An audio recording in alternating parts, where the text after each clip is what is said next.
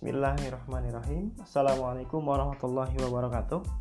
Welcome to our podcast Madu Cindo Official. Bersama saya Gianto, founder dari Madu Cindo. Uh, Baik teman-teman, selamat datang Dan saya ucapkan terima kasih kepada seluruh rekan-rekan yang Ataupun teman-teman yang sudah bergabung Hingga melalui proses dari awal ya dari awal kita berkomunikasi dan lain sebagainya hingga pada akhirnya teman-teman bisa bergabung uh, di channel Telegram Madu Cido Official ini. Karena teman-teman perlu teman-teman ketahui bahwasanya tidak semua orang yang mendaftar ataupun join di Madu Cindo ini itu mendapatkan akses hingga ke titik ini. Artinya apa kita benar-benar mempersiapkan atau memprioritaskan uh, bagi siapa yang benar-benar ataupun bersungguh-sungguh untuk berjuang bersama, untuk bertumbuh bersama. Baik, uh, sebelumnya kita sudah mendengarkan apa yang sudah disampaikan oleh Bro Agambela, ya uh, apa namanya tentang fundamental bisnis saya rasa itu merupakan materi yang sangat penting untuk di awal-awal untuk kita menjalani sebuah bisnis. Nah, tentunya teman-teman sudah merasakan, waduh ini saya sudah membara nih, gitu kan? Saya sudah memiliki imunitas bisnis yang lumayan kuat, ya, atau sudah menambah bagaimana tentang mindset berpikir dari sudut pandang mana pun yang itu sudah siap mendirect kita semua untuk bergerak bersama, untuk bertumbuh bersama, untuk berkolaborasi bersama. Gitu. Jadi pada kesempatan kali ini bersama saya, uh, saya akan membahas uh, seputar uh, bagaimana strategi closing. Gitu. Selamat menyimak. Uh, baik teman-teman semua, sebelum kita masuki tentang sebuah bagaimana strategi closing yang baik uh, pada kesempatan kali ini saya akan lebih ter, uh, terlebih dahulu menyampaikan tentang sebuah produk. Nah, uh, kebanyakan kita memang banyak yang bingung ya. Misalnya ada yang menjual sebuah produk tapi dia juga tidak terlalu menguasai produk. Ya mungkin sama pada kondisi sekarang kami pun sebenarnya sama gitu ya, tidak terlalu menguasai produk. Tapi setidaknya kita memahami uh, bagaimana tools-tools daripada produk yang kita yang kita jual. Baik, sedikit saya akan memperkenalkan tentang produk kita, yaitu produk madu cindo. Uh, sebenarnya uh, apa namanya bahasan yang akan saya kupas pada kali ini tentang produk itu uh, dari uh, by case yang terjadi ketika kita berinteraksi dengan customer atau dengan beberapa calon reseller misalnya dari madu cindo pertanyaan sih konteksnya jadi kurang lebih ada, ber, ada empat pertanyaan yang itu sangat penting dan harus kita uh, ketahui bersama. Terkhusus bagi kita semua dan teman-teman sebagai resellernya Madu Cindo. Yang pertama oke. Okay, yang pertama ini biasanya pertanyaan yang sering muncul tentang kira-kira jenis madunya apa ya gitu. Mbak mas bang gitu. Jenis madunya jenis apa gitu. Oke. Okay uh, di awal sudah kita sampaikan mungkin uh, apa namanya dari Bro Abang Agambela juga bahwasanya yang kita angkat brand produk kita adalah brand produk lokal. Produk khas daerah masing-masing yang ada di Sumatera Selatan. Dan sebagaimana yang sudah kita launchingkan hari ini kita ambil produk yaitu madu hutan musirawas. Oke jadi uh, apakah madu ternak atau madu hutan? Ya kita jelas ketika ada yang bertanya uh, bilang bahwasanya produk yang kita jual produk madu hutan asli. Oke yang kedua kandungan madu apa saja ya gitu. Karena mungkin pasti banyak yang bingung uh, kira-kira kandungan madunya apa saja gitu. Nah sebenarnya teman-teman nggak harus ribet perihal pertanyaan yang seperti ini. Karena kita bukan menjual produk herba yang diolah ataupun diproduksi sendiri. Jadi produk madu kita itu produk yang langsung setelah dipanen langsung kita packaging secara sendiri gitu ya kan. Jadi tidak ada penambahan bahan-bahan lainnya sehingga menambah kandungan ataupun komposisi yang ada dalam madu tersebut. Jadi kalaupun kita misalnya searching tentang kandungan madu pada umumnya di googling gitu kan. Nah, seperti itulah kurang lebih uh, kandungan madu yang kita jual. Jadi, kita jangan sampai dibebani dengan harus mikir, "Oh, madu kita madu super jitu gitu ya kan yang memang mampu menghilangkan luka bakar misalnya. Tidak kita tidak seperti itu. Tetapi eh, kandungan madu kita juga kandungan seperti halnya madu-madu pada umumnya. Oke itu yang kedua. Yang ketiga bang kira-kira asli atau tidak ya madunya? Soalnya saya ragu kebanyakan produk madu itu ya sebenarnya tidak terlepas dari asli atau tidak gitu ya kan? Itu bukan hal yang tabu di masyarakat kita. Tapi hampir semua orang biasanya ketika mengatakan ataupun ketika saya awal-awal ataupun kami launching ya eh, produk madu cindo ini banyak yang menanyakan oh kira-kira madunya asli apa enggak nih? Gitu ya kan?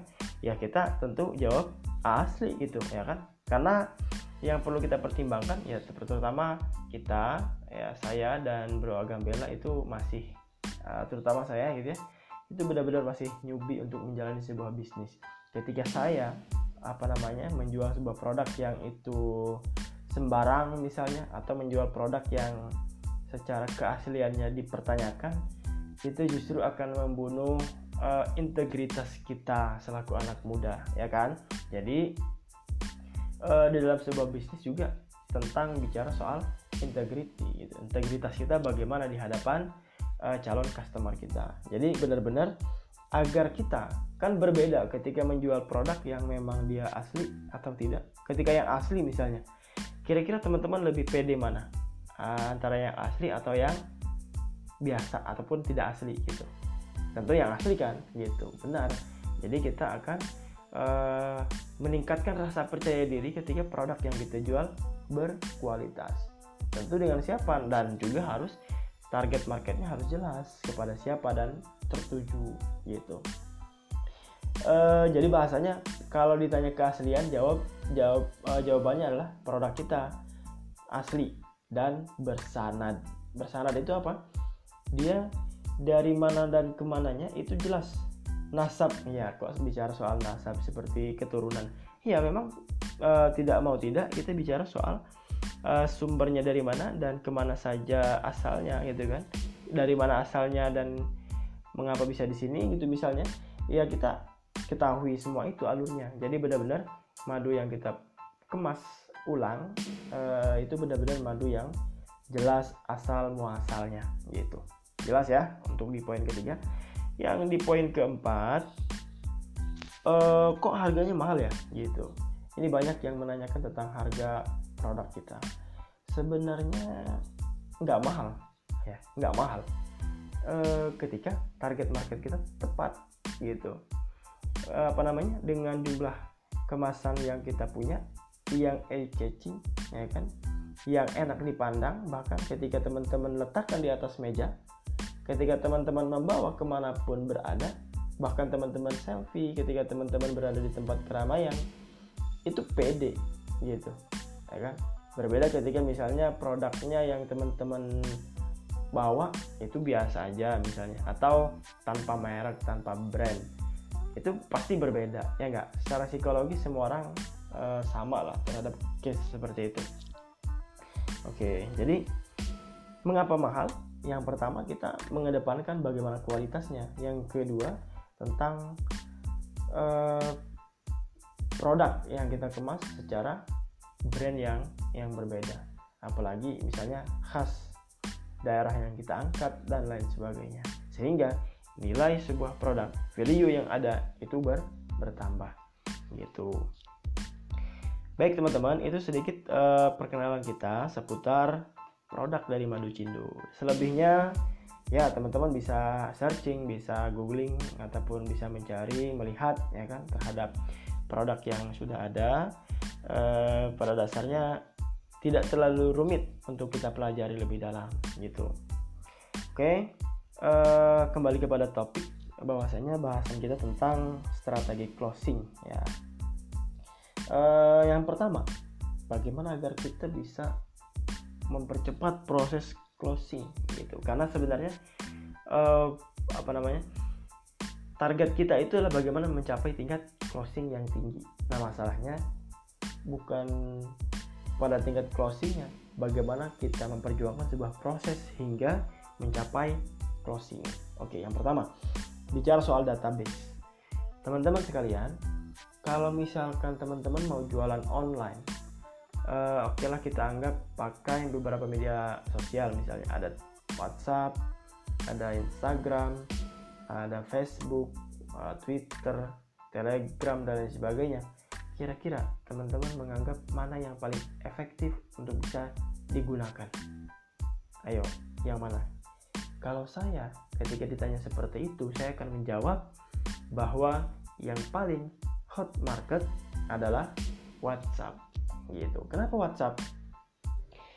Misalnya gini, ketika teman-teman ingin jualan di WhatsApp, oh ternyata yang melihat snap kita itu kurang dari 30 orang misalnya, ya kan? Sementara 30 orang pun itu tidak mewakili atau tidak ada target market yang pas untuk kita lakukan penjualan madu cindo. Kira-kira potensi closingnya akankah bertambah atau meningkat atau terjadi atau tidakkah sebuah proses closing? Bisa kemungkinan iya, bisa kemungkinan tidak, tetapi besar kemungkinannya tidak terjadi ketika target market yang kita tuju itu tidak tidak ada, ya kan? Nah, maka PR besarnya adalah bagaimana kontak WhatsApp kita yang ada kontak WhatsAppnya pada diri kita itu adalah orang-orang yang memang tertuju secara target marketnya. Oke, kita bahas tentang siapa target market kita sebenarnya. Nah, makanya eh, sebelum kita memasuki bahasan tentang siapa target market kita, tadi PR besar kita adalah menambah database gitu. Mulailah kumpulkan link-link kita yang mungkin masih SD, masih SMP, yang mungkin hari ini dia sudah menjadi orang-orang besar. Dari sisi ekonomi dia sudah masuk dari kelas menengah atau menengah ke atas sisi ekonominya misalnya. Oke, itu jadikanlah jaringan teman-teman untuk bisa bertambah dan bisa untuk dijadikan sebagai target market kita gitu. Ya bisa lakukan dengan sokap misalnya so akrab ya kan? Oh kak mbak bagaimana kabarnya? Oh ya bro sis oh kita sudah nggak lah sudah lama nih nggak ketemu dan sebagainya. Ini kontak saya ya. Gitu ya kan. Pokoknya dengan gaya bahasa masing-masing dengan gaya bawaannya masing-masing ketika menghadapi teman-teman yang lain misalnya uh, pada intinya lah bagaimana teman-teman bisa saling save kontak. Gitu. Kontak WhatsApp ya.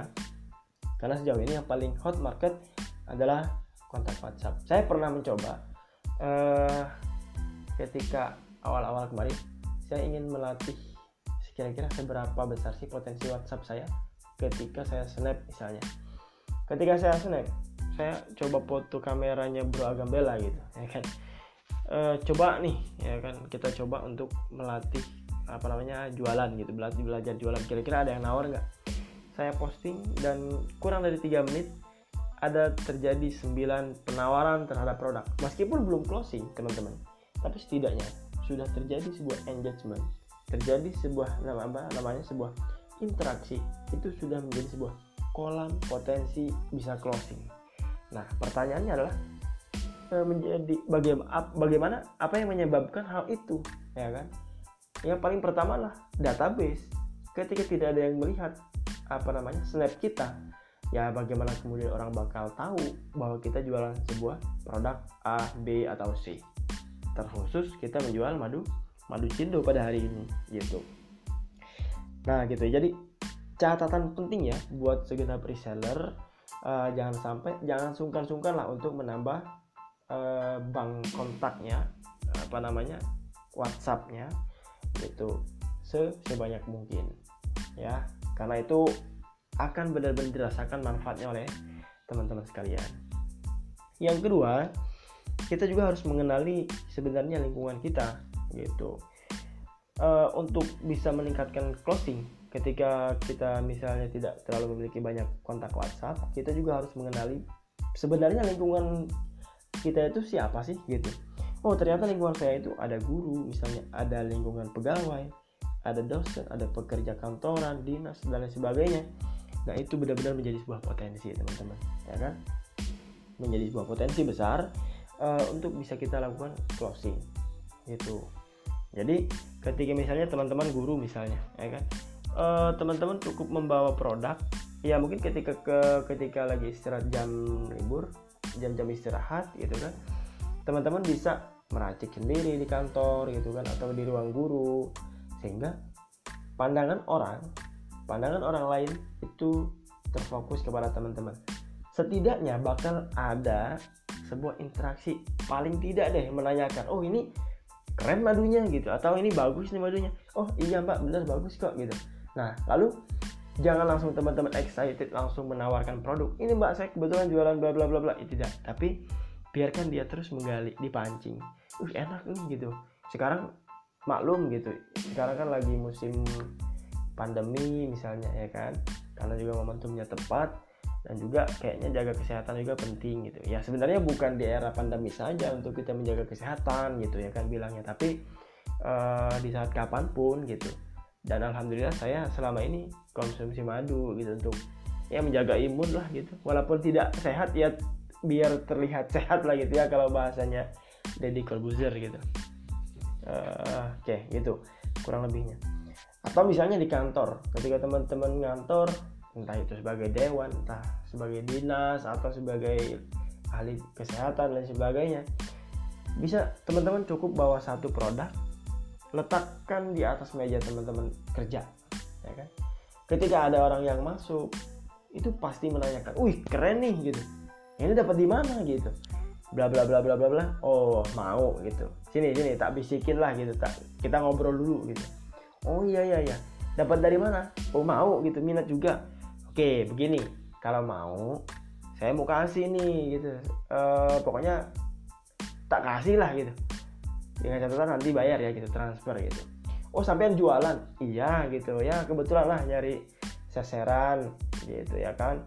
Anggaplah teman-teman hobi dan sebagainya terhadap produk sehingga memang uh, secara tidak langsung bahwa teman-teman sudah menjebak mereka untuk terjadi yang namanya sebuah engagement gitu. Terjadi yang namanya interaksi terhadap calon calon customer.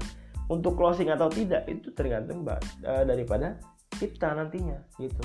Oke mungkin belum hari ini paling setidaknya besok. Tapi tadi teman-teman harus pamer tuh produk ya kan? Jangan malu-malu jangan sungkan-sungkan. Uh, setidaknya mereka harus tahu dulu terhadap produk kita gitu. Lalu um, yang harus menjadi catatan kita segmentasi dari produk kita, teman-teman, ya ini catat baik-baik. Segmentasi dari produk kita Madu Cindo itu adalah kalangan daripada menengah dan kalangan menengah ke atas. Gitu. Ini dari sisi ekonomi ya. Gitu, dari sisi ekonominya. Jadi memang kalau misalkan ada konsumen ataupun calon konsumen yang menganggap, "Widih, mahal amat madu gitu. Saya loh beli di tetangga sekian sekian gitu, lebih murah dan sebagainya." Oke, artinya energi teman-teman jangan sampai habis meladeni orang yang bukan target market kita. Lalu bagaimana? Oh, bukan juga kita harus uh, mencaci maki gitu ya kan atau um, perlakuan senok tidak tidak baik gitu. Tapi ya diperlakukan seala kadarnya lah gitu. Karena biasanya secara naluriah kita menyadari atau memahami mana yang kira-kira bakal beli atau tidak gitu. Kita pasti mengetahui itu anggaplah misalnya teman-teman sudah mengalami berapa kali penawaran secara tidak langsung teman-teman bakal tahu siapa sebenarnya target market yang tepat. Boleh dicoba. Uh, secara insting ya kan? Secara pemahaman kita naluriah kita bakal mengatakan harganya sekian produknya bagus branded oh di benak kita itu sudah membayangkan orang yang membeli itu karakternya seperti apa. Dari usia dari pendapatan per bulan misalnya, dari lingkungan, dari gaya hidup, itu bakal tertebak gitu. Kita bakal tahu tahap demi tahap. Tapi kita harus memulai langsung action di lapangan. Ya kan? Kalau kita tidak pernah melakukan sebuah penawaran, tidak akan pernah mengetahui bagaimana psikologi pasar ataupun psikologi calon konsumen kita terhadap penawaran produk yang kita jual. Jadi gitu, ya kan? Seiring berjalannya waktu, kita bakal termindset atau tertanam, oh produknya A lakunya ke kelas A, produk B lakunya ke kelas B dan lain sebagainya. Itu bakal seiring berjalannya waktu bakal kita temukan teman-teman. Itu bakal terlatih kita, ya kan? Seperti itu. Lalu yang berikutnya misalnya hmm, jadikan produk kita madu cindo ini sebagai gaya hidup misalnya gaya hidup apa? Gaya hidup sehat ya kan? Bisa gaya sombong-sombongan dikit. Eh bukan bukan sombong-sombongan ya. Tapi gaya apa ya? E, lebih kepada ya agak secara orang yang pede lah gitu ya untuk jual produk. Jadi akhirnya e, bisa selalu dibawa ke mana-mana. Ketika misalnya mendapatkan spot yang bagus kita selfie dengan produk dan sebagainya. Waduh lagi bersama pot madu cindo nih misalnya gitu ya kan. E, posting gitu di media sosial kita itu juga menjadi menjadi salah satu strategi. Nah, bagaimana kalau misalnya saya bukan pegawai misalnya, terus saya juga bukan orang kantoran, saya juga bukan orang dinas, saya juga bukan orang dewan dan lain sebagainya. Bagaimana kak cara menjualnya? Bagaimana bang cara menjualnya? Bagaimana bisa mengakses target market kita? Gitu. Oh, ini pertanyaan menarik yang harus kita kupas sampai habis ke akar-akarnya. Karena saya rasa ini materinya materi daging ya uh, tidak semua orang apa namanya mengetahui dan menjalankan. Mungkin ada yang tahu tapi tidak menjalankan. Ada yang menjalankan bisa jadi dia tidak tahu gitu atau yang tidak tahu dan tidak pernah menjalankan. Oke. Misalnya teman-teman tinggal di sebuah kompleks. Nah, itu menjadi sebuah potensi teman-teman. Anggaplah dalam sebuah kompleks itu ada 100 kakak. Oke. Dari 100 kakak itu ternyata ada 10 orang yang dia sesuai dengan kriteria target market kita. Nah, itu coba haruslah teman-teman bidik ya dia. Bidik target market yang potensial tersebut. Bagaimana caranya? Kalau misalkan ada yang sudah join di grup uh, kompleks misalnya, itu lebih mudah lagi teman-teman kalau teman-teman sudah tergabung dalam grup kompleks. Kalau yang bagi yang yang kalau yang belum bagaimana? Bisa juga ada caranya. Oke, kita akan bahas bagi orang yang sudah bergabung di grup-grup kompleks. Yang pertama, teman-teman bisa save seluruh kontak anggota grup yang ada di kompleks tersebut. Lalu di Japri dihubungi, "Mbak, saya namanya ini ini, Mas," gitu kan. "Pak, Bu, uh, izin save kontaknya ya. Saya tetangga Ibu di sebelah rumah nomor ini misalnya." Jadi dijelaskan tentang diri kita gitu agar mereka uh, welcome terhadap kita. Kalau sudah saling kontak, sudah saling save kontak itu enak. Nah lalu yang berikutnya misalnya orang yang dia belum masuk di lingkungan kompleks ataupun grup WhatsAppnya misalnya. Jadi susah kan? Nah bisa jadi teman-teman entah kasih oleh-oleh kepada kepala lingkungan atau RT-nya ini bukan nyogok ya bukan nyogok ya tapi ini lebih kepada strategi oke pak ini saya lagi jual madu nih gitu. Atau pak mau oleh-oleh nggak? misalnya gitu. Uh, sekalian teman-teman bawa fotonya atau foto bersama Pak RT misalnya tentang produk itu. Tolong dong Pak misalnya postingin di grup gitu. Siapa tahu kan ada yang berminat dengan produk kita produk madu cindo misalnya. Oh ya bisa ambil di mana? Ya kebetulan kita tetanggaan Pak gitu di kompleks misalnya gitu ya kan. Jadi bapak bisa uh, ambil di tempat atau nanti kalau kalau misalnya butuh perlu saya bisa antar kok gitu. Toh nggak jauh gitu ya kan? Nah jadi bisa cara seperti itu atau minta teman-teman untuk bisa bergabung di grup itu ya kan? Uh, atau yang selanjutnya teman-teman benar-benar harus spesifik bisa membidik siapa yang kira-kira layak untuk teman-teman target uh, dalam penjualan produk madu cindo. Itu penting. Nah ini bagian kompleks. Atau misalnya bisa teman-teman pasang plang ataupun banner. Nah kebetulan kita di Madu Cindo uh, berusaha untuk benar-benar memanjakan calon customer uh, kepada seluruh reseller kita. Oh ternyata misalnya bang saya di komplek butuh yang namanya desain banner ukuran sekian kali sekian. Oke kita bakal bantu untuk mencetak, uh, bukan mencetak ya, mendesain uh, banner ataupun X banner uh, yang nantinya bisa dipasang di rumah masing-masing gitu. Apa tujuannya? Untuk mempermudah informasi publikasi bagi lingkungan kompleks sekitarnya gitu. Agar memang tahu oh ternyata di kompleks Persada misalnya ya, kebetulan kita tinggalnya di Persada. Uh, mau pesan madu nih ke mana ya kira-kira gitu. Atau misalnya ada sebuah kompleks yang dia sebenarnya konsumsi konsumtif terhadap madu tapi nggak ada akses gitu. Kalaupun ada jauh. Nah males gitu. Yang namanya uh, baby boomers misalnya ya kan adalah males gitu kan seadanya aja gitu. Ada untung nggak ada ya udah gitu ya kan. Jadi ini sangat sayang sekali potensial sekali untuk bisa kita uh, lakukan sebuah closing. Nah yang berikutnya hmm, itu tentang kompleks ya uh, kompleks perumahan. Jadi sangat potensial sekali itu kalaupun misalnya tadi ada 100 orang 10 orang teman-teman dapat dan terbidik mereka itu bakal terjadi repeat order pemesanan lagi pemesanan lagi dan lagi gitu. Itu catatan penting. Nah yang berikutnya adalah bagaimana strategi kita menghipnotis sampai konsumen itu tidak peduli terhadap ongkir. Nah ini banyak uh, studi kasus yang terjadi. Misalnya bagaimana ya uh, ini kan jaraknya jauh. Terus uh, di saat mereka pesan dan langsung terasa mahal gitu karena jaraknya jauh kan. Terus ongkirnya juga gede tugas kita adalah bagaimana ketika ada orang yang langsung ngejapri teman-teman jangan lang ketika menanyakan harga itu jangan langsung diberikan harga jual. Jangan langsung diberikan harga jual. Why? Ya kan? Ini pertanyaan menarik.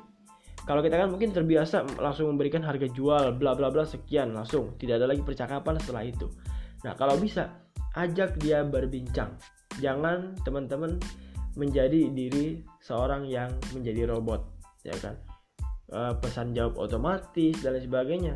Secara pribadi saya misalnya itu tidak nyaman ketika saya cek ternyata oh mohon maaf dalam waktu sekian menit pesan anda akan dibalas gitu. Oh ternyata ini yang jawab robot. Emang saya pikir saya robot gitu ya kan? Makanya secara psikologi uh, itu kurang efektif untuk membangun sebuah kedekatan emosional. Tetapi responlah meskipun agak lambat, tapi yang menjawab adalah kita gitu. Ini secara psikologi lebih mempengaruhi meskipun tidak semua orang berpikir seperti itu.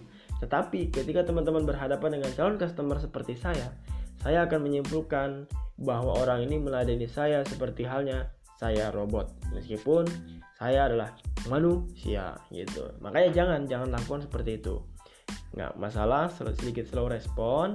Kalau lebih cepat lebih baik. Tapi tadi bangun komunikasi ataupun interaksi dengan calon customer. Nah tadi terus jangan sebut angka harga jual bagaimana? Uh, yang harus kita lakukan? Tetapi teman-teman menjelaskan deskripsi tentang produk yang akan membuat dia lebih yakin memutuskan untuk membeli. Gitu ya kan? Wah misalnya langsung dipuji misalnya maaf saya mau ini yang jual madu cindo ya? Oh iya pak. Gimana? Oh iya. Kebetulan kita ada nih pak produknya gitu. Tapi terbatas tinggal berapa lagi gitu kan. Tinggal sekian botol lagi misalnya. Dan cocok nih pak buat bapak yang sibuk ngantor yang sibuk keluar rumah dan lain sebagainya. Ini bisa dibawa-bawa dan nggak ngerepotin pak. Nggak khawatir pecah misalnya. Atau atau misalnya mau ditaruh di atas meja pun bapak pede kok gitu ya kan? Makin kece gitu makin abis makin keren abis gitu. Atau kita angkat deh secara emosionalnya. Terus pak ya madu yang kita jual ini madu dari hutan musirawas pak misalnya gitu. Atau dari nantinya ketika ada produk yang lain dari hutan ABC misalnya. Oh iya kebetulan saya juga dari dari asal daerah ini gitu. Atau misalnya dari daerah uh, musirawas.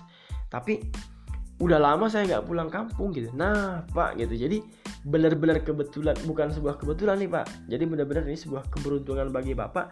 Tanpa bapak harus mudik misalnya bapak bisa menikmati lezatnya madu musirawas pak gitu ya kan? Jadi mau tunggu apa lagi? Silahkan dicoba karena produk kita langka gitu. Oke? Itu yang harus teman-teman teman lakukan. Oke ya sudah kalau gitu misalnya saya akan beli berapa sebotolnya? Sekian. Dan dia pasti tidak akan pernah memikirkan berapa ongkirnya. Uh, secara sederhana tentang ongkir sebenarnya bukan hal yang tabu untuk di kondisi hari ini ya kan? Uh, logikanya siapa pun yang beli online misalnya seperti saya misalnya saya beli belanja online. Saya berpikir sudah pasti yang namanya kena ongkir itu pasti ya kan? Yang namanya mau free itu jarang langka banget. Jadi uh, sudah pasti ia akan melakukan closing ataupun pembelian produk ketika dia merasa benar-benar produk itu sesuai dengan kebutuhan yang ia inginkan gitu. Apalagi misalnya uh, ibu-ibu yang dia keluar peduli terhadap kesehatan keluarganya. Wah cocok nih bu. Jadi kalau untuk keluarga isinya juga lumayan banyak gitu kan. Tidak seperti produk-produk yang lain. Dan juga ini madu hutan asli gitu. Makanya mahal gitu uh, secara harga karena memang kita mengedepankan kualitas. Makanya tadi kita harus kuasai tentang produk kita sebenarnya polanya apa yang dibangun gitu. Ternyata kita lebih membangun kepada brand ya kan? Jadi yang kita bangun lah pride ya. Gengsi yang kita kita kita bangun. Misalnya kenapa gengsi misalnya gitu ya ketika teman-teman berbelanja ataupun ke kafe tapi teman-teman memilih misalnya Starbucks misalnya itu meningkatkan rasa percaya diri nggak sih? Gitu. pasti menambah gitu meningkatkan gitu. Dan itulah yang kita coba bangun uh, di penjualan madu cindo ini gitu. Ya jadi uh, sebisa kita untuk membangun emosional terhadap calon konsumen. Nah yang berikutnya adalah uh, setelah terjadi yang namanya misalnya pemesanan dan lain sebagainya harus sepandai-pandai kita itu menjaga konsumen. Itu lebih baik daripada kita mencari konsumen baru gitu. Ketika harus mencari konsumen baru kita bakal ya sedikit sulit lah ya ketimbang kita mempertahankan ya. Meskipun uh, karena begini konsepnya bagi orang yang pecinta madu atau yang memang dia peduli terhadap kesehatan dia tidak akan pernah apa namanya? Dia pasti melakukan uh, pembelian pembelian pembelian berikutnya. Gitu. Percayalah. Uh, karena ada orang yang dia memang benar-benar peduli terhadap kesehatannya. Gitu ya kan? Nah makanya ini jangan sampai tidak tidak terfasilitasi atau hilang begitu saja. Jadi harus benar-benar di, dijaga konsumennya. Gitu. Nah teman-teman eh, kurang lebih itulah yang sementara ini bisa saya sampaikan. Semoga ada manfaatnya dan sebenarnya masih banyak pokok bahasan kita yang harus uh, kami sampaikan dari Madu Cindo ini uh, baik misalnya tentang strategi bagaimana pemilihan kata, bagaimana cara membuat sebuah caption ketika kita posting dan sebagainya sehingga mereka merasa tidak dijadikan korban bahwa kita jualan gitu. Karena kita bakal bedah nanti bagaimana sih gaya kita jualan tapi sebenarnya tidak jual eh gaya tidak jualan ya kan kelihatannya. Tapi secara tidak langsung alam bawah sadar dia merasa orang ini tidak jualan tapi saya tertarik dengan produknya gitu. Berbeda dengan orang misalnya ngotot gitu kan mau jualan produk tapi ngotot. Jadi orang ilfil malah bukannya malah kita, uh, dia kepo terhadap produk kita tapi yang terjadi lah atau misalnya geli aduh gini orang kok jualannya kayak kayak aneh gitu. Ngebom gitu kan bom posting di berbagai grup. Bukannya misal teman-teman mendapatkan apa namanya uh, order ya kan? Tapi yang ada malah teman-teman di kick dari grup keluarga sendiri misalnya gitu. Karena spam dan lain sebagainya akhirnya mengganggu kenyamanan daripada uh, calon customer kita. Nah itu jangan seperti itu. Nah termasuk misalnya nanti tentang bagaimana sih strategi publikasi di media sosial berkaitan dengan waktu kapan posting kemudian konten yang kita angkat gitu. Atau misalnya kalau japri juga harus bagaimana dan lain sebagainya. Atau misalnya bagaimana agar kita bisa mendapatkan keuntungan di harga konsisten terendah dari madu cindo sehingga teman-teman bisa mampu mendapatkan keuntungan mencapai 25% dengan cara konsisten dengan jangka waktu yang panjang gitu. Nah, itu kita akan bahas semuanya eh, karena ini juga bagian dari hal yang penting untuk kita sama-sama pahami bersama. Eh, baik, demikian yang bisa saya sampaikan. Pada dasarnya prosesi ini adalah proses saya sharing uh, saya dan Bro Agambela uh, sebagai founder dari Madu Cindo ini yang tujuannya adalah bukan menggurui ya teman-teman tetapi bagaimana kita untuk berproses bersama ya mungkin uh, kita kita ataupun kami hanya orang-orang yang sedikit lebih dulu saja membaca atau sedikit lebih dulu saja mempelajari sesuatu hal sehingga uh, kami sedikit lebih tahu saja gitu lebih dulu tahu gitu kan dan bukan berarti lebih hebat daripada teman-teman semua yang telah bergabung sebagai resellernya Madu Cindo oke okay? yang pada intinya adalah uh, bagaimana kita bisa berproses untuk terus bertumbuh bersama sukses bersama. Oke oke not uh, menjadi kita adalah kita bukan seorang motivator ya yang memberikan semangat semangat semangat tidak. Tetapi kita adalah orang yang terus berproses bersama belajar bersama agar bisa meraih uh, terkait hasilnya nanti bagaimana itu nanti gampang lah ya kan? Biarlah yang di atas yang mengatur tapi yang kita kedepankan adalah uh, teruslah berproses untuk uh, apa namanya mencari peluang-peluang ataupun strategi-strategi dengan ilmu-ilmu yang kita punya yang kita mampu salah kadarnya ya. Kalaupun untuk meningkatkan ya terus semangat lagi untuk belajar. Uh, yang terpenting jangan mudah putus asa jangan mudah mudah menyerah jangan malu-malu ya kan karena biasanya uh, apa yang kita pikirkan itu belum tentu dipikirkan oleh orang lain. Atau misalnya yang kita bayangkan itu hanyalah bayangan yang hanya sekitar menghantui diri kita. Yang belum tentu orang lain memikirkan apa yang kita pikirkan. So jalan terus ya kan? Jangan sampai uh, mundur sebelum bertempur. Oke okay? itu yang dapat saya sampaikan. Kurang lebihnya saya mohon maaf. Uh, sampai jumpa di podcast podcast dari Mad official Madu apa? Uh, Madu Cindo official berikutnya yang terus akan membahas tentang strategi marketing, uh, closing, dan lain sebagainya. Tentang copywriting dan lain sebagainya. Kita akan bahas. Semoga semuanya bisa membantu eh, hal-hal uh, teknis yang terjadi uh, ataupun yang teman-teman alami nantinya. Dan kita akan berikan kesempatan bagi yang ingin bertanya dan kita akan jawab melalui podcast uh, Madu Cinta Official. Baik, itulah saja pada kesempatan kali ini. Semangat untuk berjuang. Kita akan sama-sama menjalani perjuangan ini bersama. Oke, terima kasih. Akhir kata, bila taufiq wal hidayah. Wassalamualaikum warahmatullahi wabarakatuh.